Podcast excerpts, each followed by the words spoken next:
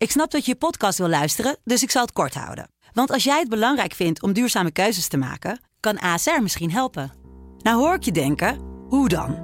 Nou, bijvoorbeeld bij het duurzaam herstellen van schade. Of de premies die we beleggen volgens ons duurzaam beleggingsbeleid. Dat bepaalt waar we wel en juist niet in investeren.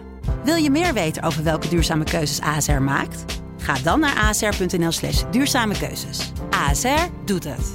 Zo, dan kan je nu lekker naar je podcast luisteren.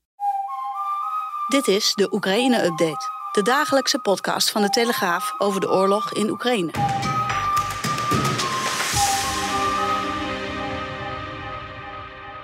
...9 maart 2022. Het is dag 14 van Poetins brute aanval op Oekraïne. Mijn naam is Floris Noord en ik spreek zo met defensieverslaggever Olaf van Jolen... ...over de levering van wapens aan Oekraïne door het Westen... ...en de staat van het Russische leger. Maar eerst een korte samenvatting van het belangrijkste nieuws. Evacuatie van burgers uit belegerde steden in Oekraïne gaat woensdag door. Rusland en Oekraïne hebben een wapenstilstand afgesproken. Die geldt tussen 9 uur ochtends en 9 uur avonds. Volgens de Russen zouden burgers veilig kunnen vertrekken uit vijf Oekraïnse plaatsen, waaronder Kiev. Maar het Oekraïense leger heeft aangegeven het moeilijk te vinden de Russen te vertrouwen. Steeds meer bedrijven trekken weg uit Rusland. Dinsdag maakte McDonald's bekend dat de Russen niet meer langs kunnen komen voor een euroknaller. Eerder trokken Coca-Cola en Starbucks zich al terug. Het Russische ministerie van Defensie stelt dat het geheime documenten in handen heeft die aantonen dat Oekraïne de separatisten in het oosten van het land wilde aanvallen. Oekraïne wilde de pro-Russische republiekjes Donetsk en Luhansk in de regio Donbass heroveren. Volgens de separatisten hadden ze de geheime plannen gevonden op een computer in het zuiden van de regio. Het is niet duidelijk om wat voor documenten het zou gaan en de stelling is niet te verifiëren. Dan gaan we nu naar Olof van Jolen, onze defensieverslaggever. Olof, er was gisteravond veel te doen over de levering van gevechtsvliegtuigen aan Oekraïne. Polen wilde zijn oude mix eh, weggeven aan Oekraïne om er dan van de VS eh, F-16 vliegtuigen voor terug te krijgen. Het is nog niet helemaal duidelijk of dat uh, daadwerkelijk ook gaat gebeuren. Hoe zit dat nu? Nou ja, die vliegtuigen, dat, dat is al een tijdje, hangt dat letterlijk figuurlijk in de lucht. Dat dat wellicht gaat gebeuren. het zit hem natuurlijk in het feit dat, dat er door Oekraïne heel hard gelobbyd wordt voor een no-fly zone boven het land. Met andere woorden, dat er dus niemand meer in mag komen, vijandelijke luchtmachten. wat dan afgedwongen zou moeten worden door de NAVO. Nou, de NAVO heeft al aangegeven, dat gaan we echt niet doen. Dat willen we niet, want dan, dan worden we echt combatant, worden we betrokken partij in, in deze strijd. En wat, dat wil de NAVO natuurlijk niet. Mm -hmm. Een soort next best optie zou zijn, is dat je dan uh, de, de zwaar aangetaste luchtmacht van, um, van Oekraïne zou kunnen helpen door ze extra vliegtuigen uh, toe te spelen. Nou ja, wat voor vliegtuigen zijn voor hun dan handig? Dat zijn die MIGs, omdat dat toestellen zijn waarmee ook de Oekraïnse luchtmacht zelf al vliegt.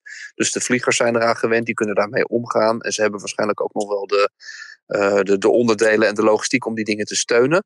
Alleen, uh, ja, het grote probleem is dat het natuurlijk heel gul is van Polen, maar dat uh, de angst die er zit binnen, binnen NAVO en ook bijvoorbeeld binnen de EU, dat, uh, dat dat zal worden gezien als een, een, een wezenlijk andere bijdrage aan de strijd dan het leveren van, van verdedigingsmiddelen, wat tot nu toe gebeurd is.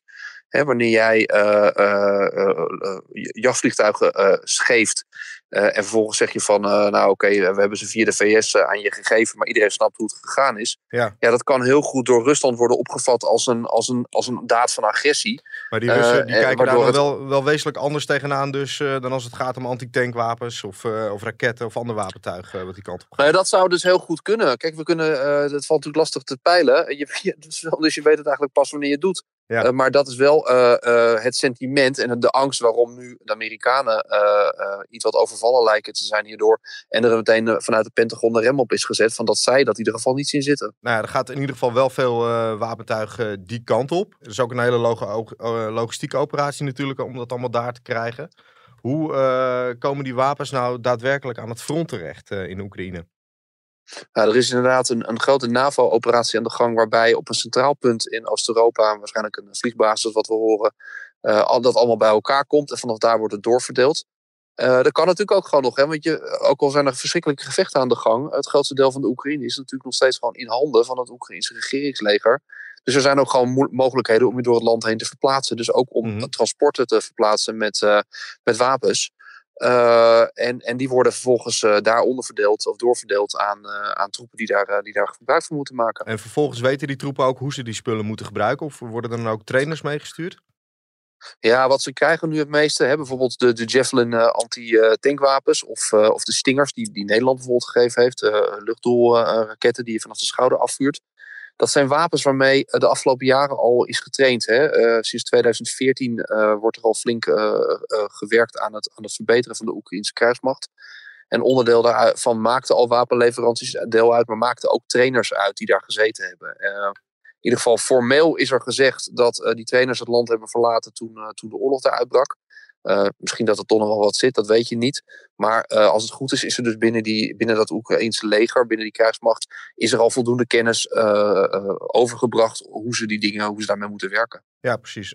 nou, die, die levering van wapens wordt ook met best wat bombarie ook aangekondigd. We hebben echt Twitterberichten gezien met, met emoticons erbij van een gespierde arm.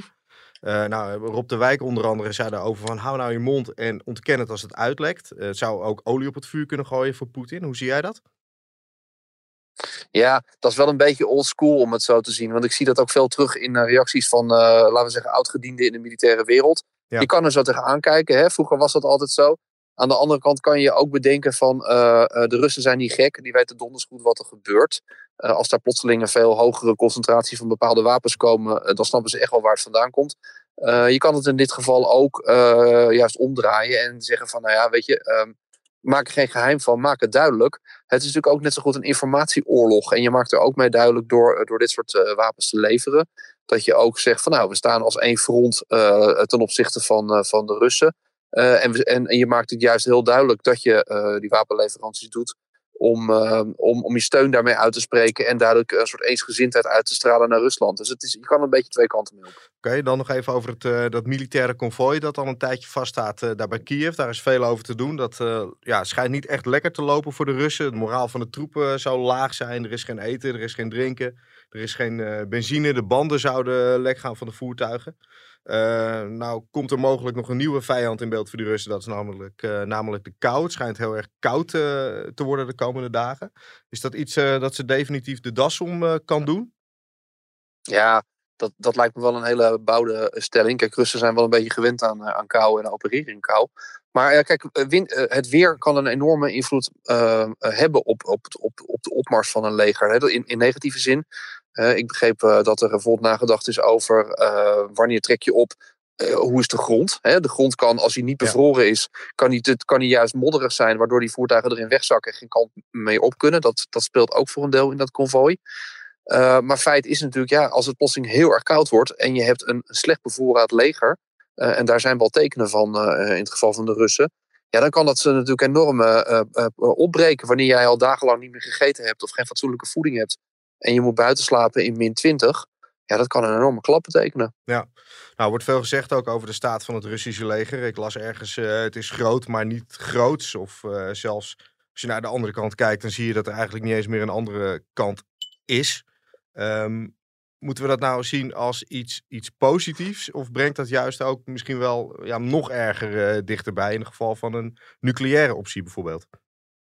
Ja, het lastige is, um, kijk, de, de, de Russen, en dat is denk ik ook de crux van dit hele conflict, uh, had, um, had Rusland niet de beschikking gehad over kernwapens, ja, dan, dan, dan was er wellicht een makkelijker, uh, makkelijker ingegrepen. Maar uh, als, als sinds de Koude Oorlog maakt het, het inzetten van kernwapens gewoon deel uit van de normale doctrine, dus de normale manier van optreden van de Russische krijgsmacht. Ehm, ja, die, die nucleaire optie blijft inderdaad heel eng en, en zal ook degene zijn wat, wat de grote afschrik is richting, um, richting NAVO-lidstaten. Um, maar goed, kijk, als zich uh, dat, dat het Russische leger matig presteert, ja, dat zou ik in dit geval ook wel als een, als een voordeel zien. Want dat maakt ook dat, dat, dat de Oekraïnse strijdmachten langer stand kunnen houden. En, en dat je dus de, de, je kan weliswaar heel veel mensen hebben, maar wanneer die mensen voor een deel slecht gemotiveerd zijn, wanneer die mensen slecht uitgerust zijn, uh, de bevoorrading niet op orde is, ja, dat, dat is natuurlijk fataal voor, uh, voor de slagkracht van die Russische uh, troepenmacht. Olaf, dankjewel. Naast de gruwelijkheden in Oekraïne gebeuren er ook hoopgevende dingen. Zo heeft de koning een aantal Oekraïners ontvangen in Paleis Noordeinde. We looked at dark, dark scenarios. What we're seeing now, we couldn't even imagine at that time that this was possible.